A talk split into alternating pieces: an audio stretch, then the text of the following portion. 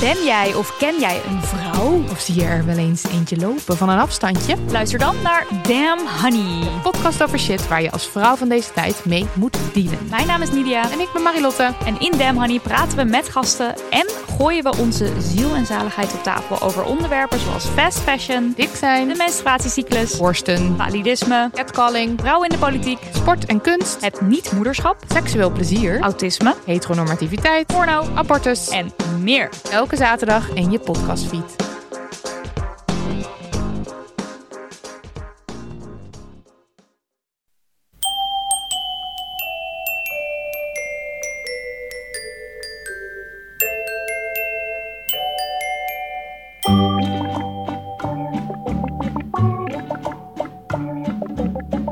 Welkom bij aflevering 340 van Echt Gebeurd, de podcast waarin mensen hun eigen waargebeurde verhalen vertellen. Voor wie deze podcast luistert met kinderen, luister deze aflevering eerst zelf om te bepalen of je hem geschikt vindt of niet.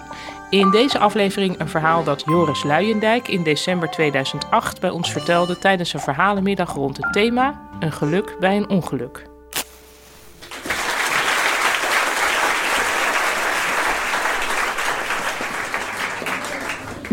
Ik wil je het vertellen over het moment dat ik het echte verschil be- begon te begrijpen tussen een raadsel en een mysterie. Een raadsel is een speurtocht waarbij uiteindelijk ergens de haas is. En de vraag is dan, vind je de haas? Dus het is een vraag met een antwoord. Een mysterie is eigenlijk een vraag waarbij je op het einde meer gaat nadenken over waar die vraag eigenlijk over ging. Maar om dat goed te kunnen uitleggen moet ik jullie eerst de context schetsen waarin ik dat ontdekte. Dat was als Midden-Oosten correspondent was ik een tijdje tussen 1998, toen het daar vrij rustig was, en 2003, toen het daar enorme zooi was. En eh, ik mocht dat allemaal gewoon fijn meemaken.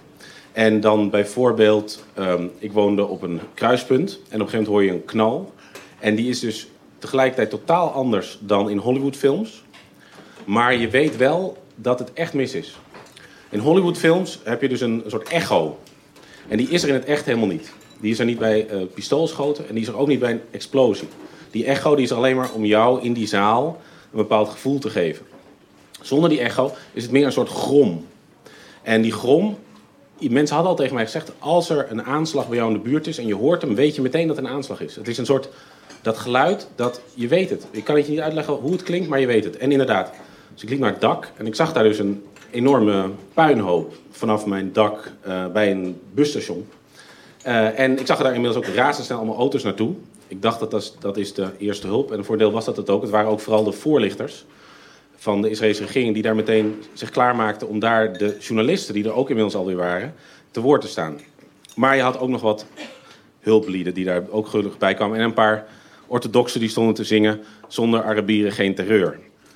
En ik ging daar dus even... Ik stond op het dak en ik belde naar de redactie in Hilversum. Ik zeg, er is een aanslag geweest. Waarop die persoon in Hilversum zei, weet je het zeker? Ik zeg, nou ja, ik kijk nu naar de... Ik zie nu wat er net is gebeurd. Hij zegt, ja, maar ik zie er niks van op de persbureaus. Wat perfect illustreert hoe de westerse welvaartsmens... en ik dus ook tot ik daar ging werken... eigenlijk over de werkelijkheid denkt. Zolang het niet op CNN is, is het niet gebeurd. Dat het echt is.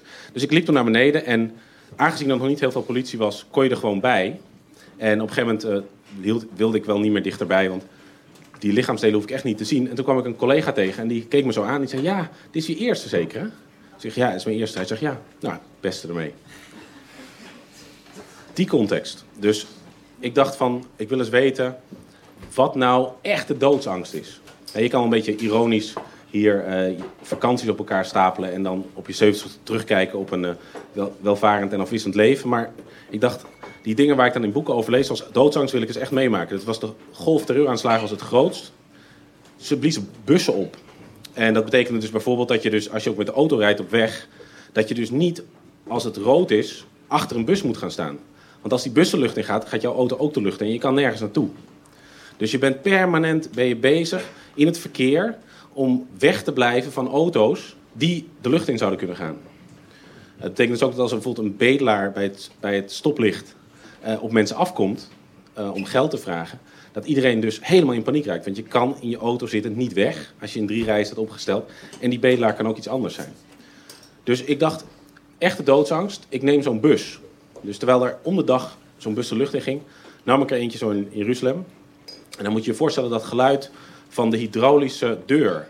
Ah, pssst. Zo gaat die deur zo open. En dan is alle ironie, alle onzin, alle zelfreflectie, alle relativering is helemaal weg. Het is totaal verslavend om werkelijk je leven te wagen. Ook is het eigenlijk vrij klein, het zijn vrij veel bussen. Van de andere kant, op dat moment, ik was wel de enige in die bus die ervoor koos. En ik dacht, je bent compleet gek. En dus ik stap naar boven en die buschauffeur die spreekt mij aan om namelijk te horen of ik met een Arabisch accent antwoord. Want dat doet hij bij al zijn uh, passagiers, want Joden en Arabieren lijken heel erg op elkaar. Maar als je ze aanspreekt, hoor je wel of het een Palestijn is. En als het een Palestijn is, dan zijn er wel een hoop mensen die meteen die bus weer uit willen. Dus dan kom je dus zo'n hydraulische bus en dan ga je zo, je doet een stap heel, dat is meestal vrij hoog boven de grond, zo'n hoge stap. En als dan mijn hoofd zo verschijnt, voel ik gewoon die hele bus zo rustig ademhalen. Want blank gezicht gaat zich niet opblazen. En dan ga je dus in zo'n bus zitten en dan halte bij halte en iedere halte ziet al die mensen alleen maar naar de ingang van die bus kijken. Als daar iemand binnenkomt, dan moeten ze er meteen uit. Maar dat is natuurlijk eigen gedachtenspelletje. Want zo'n Palestijn is ook niet gek. Die weet dat ook. Dus, dus waarschijnlijk dat als er al zo'n Palestijn binnenkomt, dat hij meteen naar, naar voren rent en... What does this button do? Nou, dat was ongeveer mijn werk.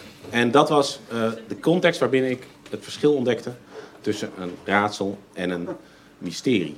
En de eerste keer was een raadsel. Uh, de, het eerste verhaal waarbij ik wel een antwoord vond, was een. Uh, ik heb het ook kort gebruikt in een, in een boek, omdat ik het zo treffend vond.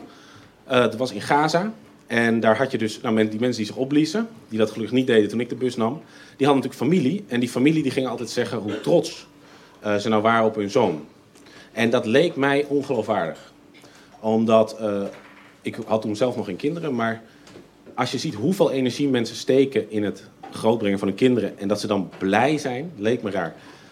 Dus ik ging dan op een gegeven moment naar zo'n vluchtelingkamp toe waar iemand zich net had opgeblazen. En uh, ik dacht van, ik moet daar naartoe met zo min mogelijk mensen om me heen.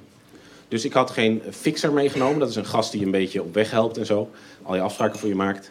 Uh, en ik had ook geen cameraman bij me en zo. Dus op een gegeven moment kwamen we dan... Dus ik liep dat kamp binnen. En bij het journalisten altijd heel stoer over. Maar zo'n kamp is gewoon een kamp. Weet je? Het is gewoon een wijk. Uh, en ja, daar, zijn mensen... Ze hebben ook een leven zoals wij. Ze staan gewoon op, ontbijten ze een beetje. Denken ze, nou, wat moet ik vandaag doen? Dan doen ze het. S'avonds komen ze thuis, gaan ze eten, kijken een beetje tv... dan gaan ze naar bed. Dat is het leven van vrijwel iedereen. Maar het is natuurlijk wel in een, in een kamp... waar regelmatig gebombardeerd wordt... en waar een aantal mensen zich dus inmiddels hebben opgeblazen. Dus we kwamen daar bij zo'n uh, familie die daar zat. En zo'n vader die helemaal in het script zit. Ik ben zo blij en zo trots. En zo goed dat uh, Mohammed zich op heeft geblazen. En ik hoop nu ook dat Ahmed, dit is Ahmed, dat hij het ook gaat doen. En uh, thee wordt geserveerd, en maar dan zoet. Terwijl je normaal als iemand is gestorven bittere thee drinkt. Maar dit is zoet, want het is een feestdag. En die vader gaat maar door en zo. En dan komt, op een gegeven moment komt ook iemand van Hamas langs. En die zegt, nou deze poster hebben we gemaakt. Die gaan we overal ophangen.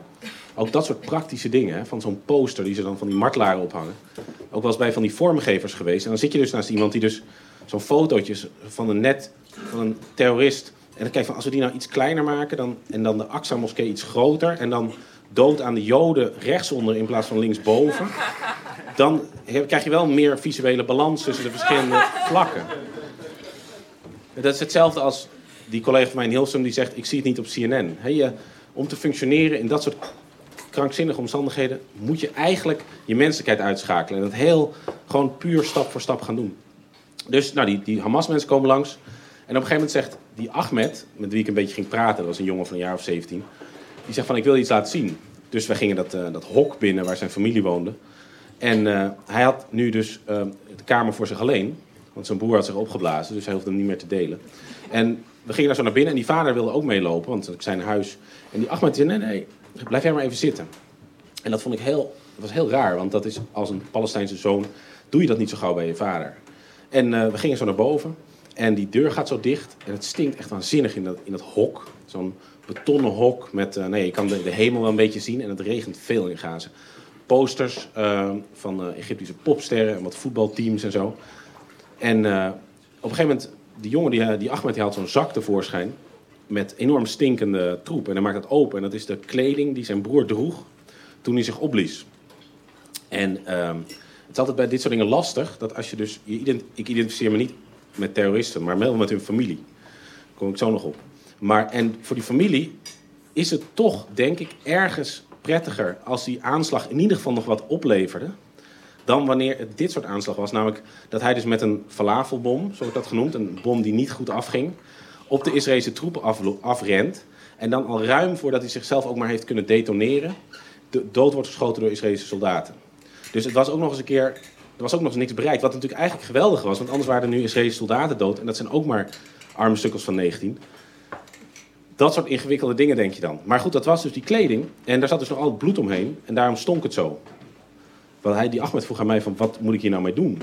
Dat is dan vaak hebben, als mensen geen hekel hebben aan westelingen, daar heb ik vaak gemerkt, dan plaats je je in een soort vaderpositie. Alsof jij, het, alsof jij het allemaal weet, omdat de technologie hier wat eerder wordt geïntroduceerd door het bedrijfsleven dan daar. Dus ik wist het ook niet.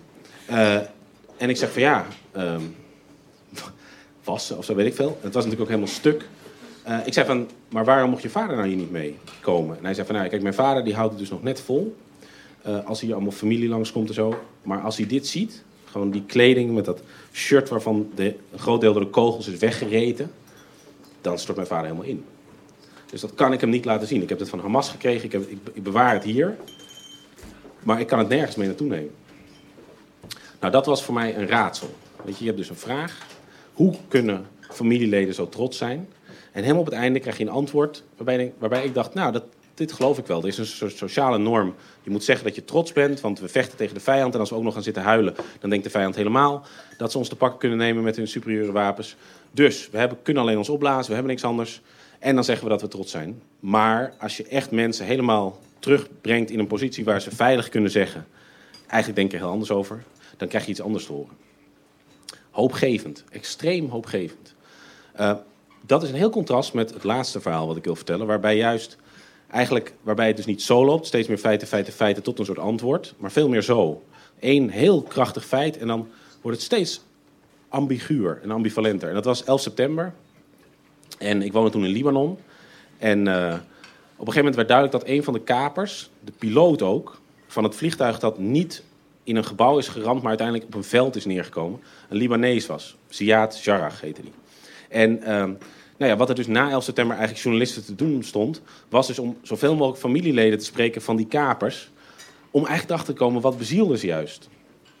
En ik denk de kracht van 11 september was ook dat er nooit eisen zijn geformuleerd, waardoor iedereen eigenlijk kon zeggen, ja, dat deden ze vanwege de armoede of vanwege uh, het Amerikaans Midden-Oostenbeleid of vanwege...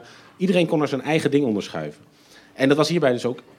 Die man kwam uit Libanon en uh, via netwerk, die zeiden van, wil jij die oom want er was een oom en die had zich aangeboden als woordvoerder. Wil jij die interviewen? En nou, dat, dat vond ik natuurlijk enorm interessant. Dit was, die, familie die, had, die sloot zich helemaal af van de media. Maar er zat dan één oom, oompje, gingen we hem ook noemen, oompje. En die deed dan de perscontacten. Dus ik hem bellen en oompje zegt van nou oké, we spreken eerst even af in het Phoenicia Hotel. Kunnen we elkaar een beetje leren kennen. Ik denk dat hij even wilde inschatten van uh, hoe, in hoeverre ga ik deze man tijd geven. Weet je, als je, als je echt een idioot bent, dan, dan uh, geef je iemand gewoon vijf minuten. Als je echt heel interessant bent, wat ik overduidelijk ook niet was, dan kies je voor een aantal interviews. Maar ik, ik bereikte een soort tussenpositie bij. En dat was heel apart. Ik ging naar dat Phoenicia Hotel en dat is drie keer chiquer dan het Amstel.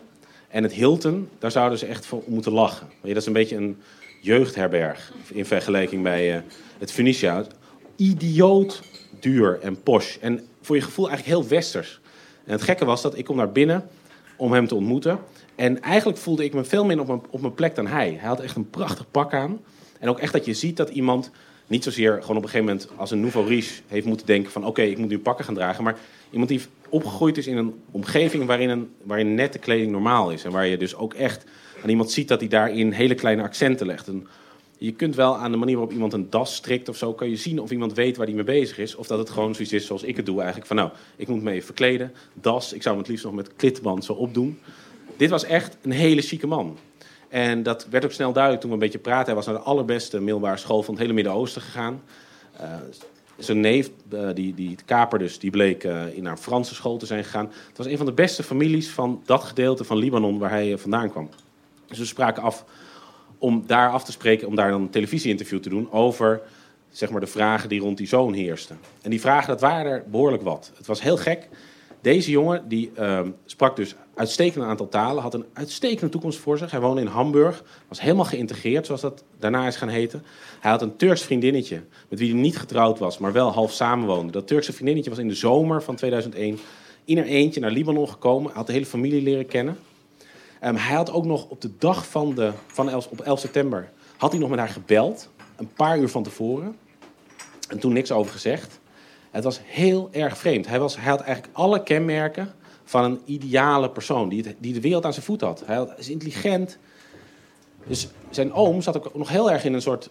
dat hij de mogelijkheid openhield dat er misschien sprake was van een misverstand. Het was inmiddels anderhalve maand geleden, maar, maar je denkt een misverstand en je lacht. Maar als je de dingen hoorde, bijvoorbeeld van, over de FBI, die, die niet eens Franstaligen hadden om bepaalde boodschappen te vertalen.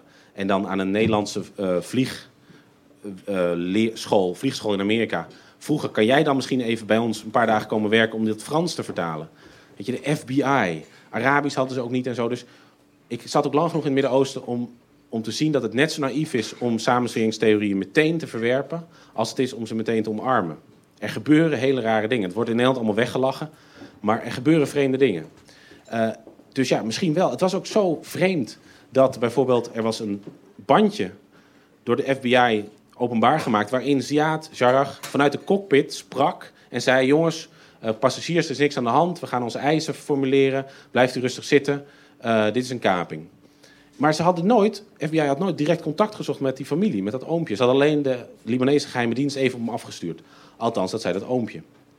Dus wij gaan daar naartoe. Dat was in de bergen. En uh, dan zijn een van die ontzettend rare dingen. Dat je kan dit verhaal dus helemaal stoer vertellen zoals uh, stoere Midden-Oosten correspondenten. Maar er zijn bepaalde dingen bijvoorbeeld die je dan weglaat, maar die toch aardig zijn om te weten. Bijvoorbeeld, het was het begin van Ramadan. En dan zijn dus die cameramensen, die dat voor ons gingen filmen, die je lokaal huurt, ontzettend chagrijnig. Iedereen op de weg is heel erg chagrijnig. Dus op weg daar naartoe, ik ga de oom van een kaper, internationale terrorist, interviewen. Maar ik was alleen maar bang voor het verkeer. Dus ik kom daar uiteindelijk aan en eigenlijk alleen maar gewoon dolblij dat ik nog leef. Want die Libanezen rijden als gekken. En ook wetend van shit, we moeten ook weer terug. En dan hebben ze helemaal honger. dus we komen daar zo aan, bij Oompje. En op dat moment zie ik dus dat die cameramensen en Oompje, die kennen elkaar al. Want dit heeft Oompje al wel 40 keer gedaan.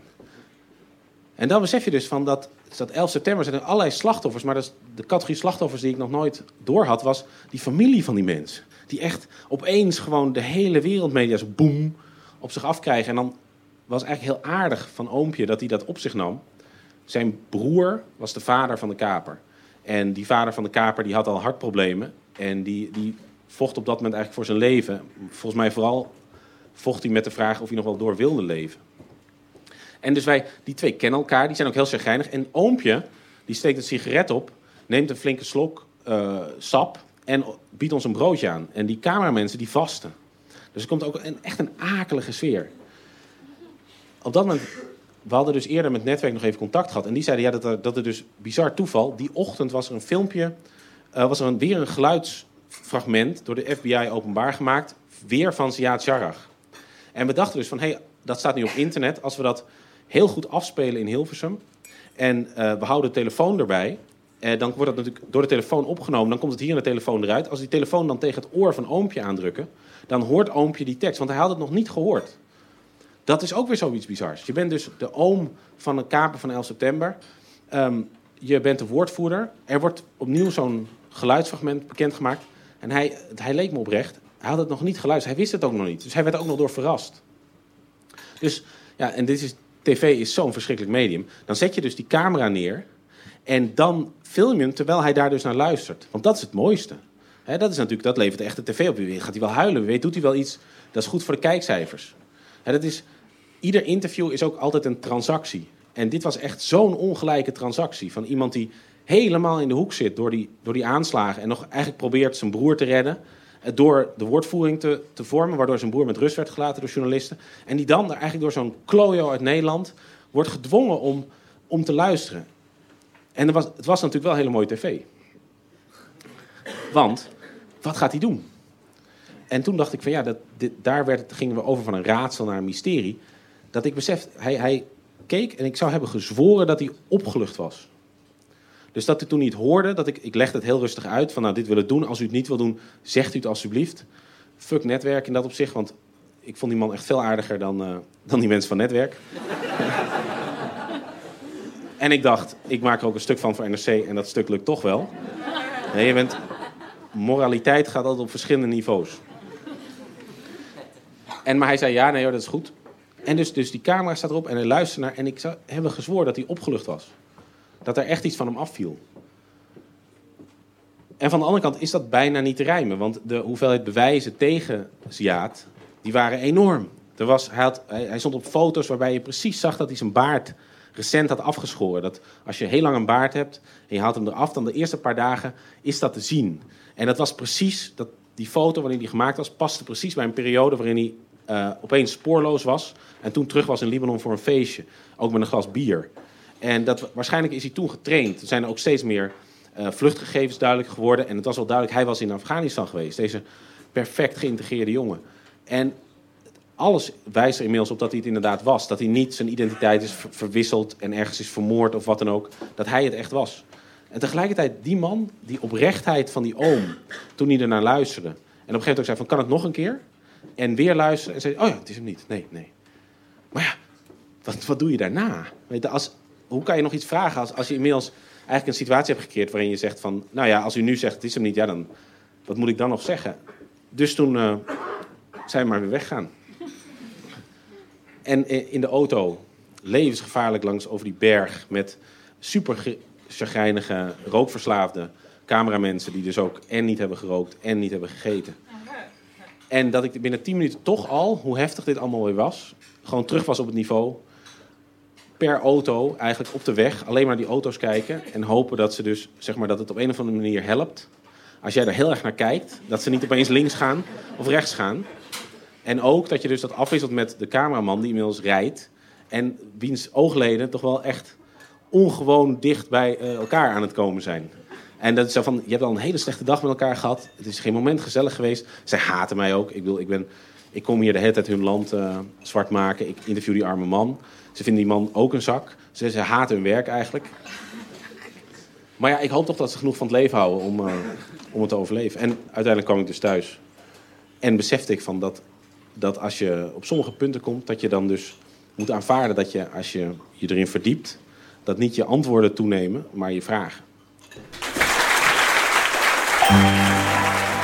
Dat was een verhaal van Joris Luijendijk, opgenomen bij een van de eerste echt gebeurd middagen ooit. Joris Luijendijk is nog altijd journalist en uitgerekend deze week is er van hem een nieuw boek verschenen, getiteld De Zeven Vinkjes. Hoe mannen zoals ik de baas spelen. Joris omschrijft het als een boek over de groep Nederlanders die, net als hij zelf, en nu begint een citaat, niet gediscrimineerd kunnen worden, zich nooit ergens hoeven aan te passen omdat iedereen zich altijd aanpast aan hen en die ook nog de meest prestigieuze opleiding van het land hebben. De redactie van Echt Gebeurd bestaat uit Micha Wertheim, Rosa van Toledo, Maarten Westerveen en mijzelf, Paulien Cornelissen. De productie doet Hanna Ebbingen, de zaaltechniek was in handen van Nicolaas Vrijman en de podcast wordt gemaakt door Gijsbert van der Wal. Dit was aflevering 340. Tot volgende week en vergeet ondertussen niet: moraliteit gaat altijd op verschillende niveaus.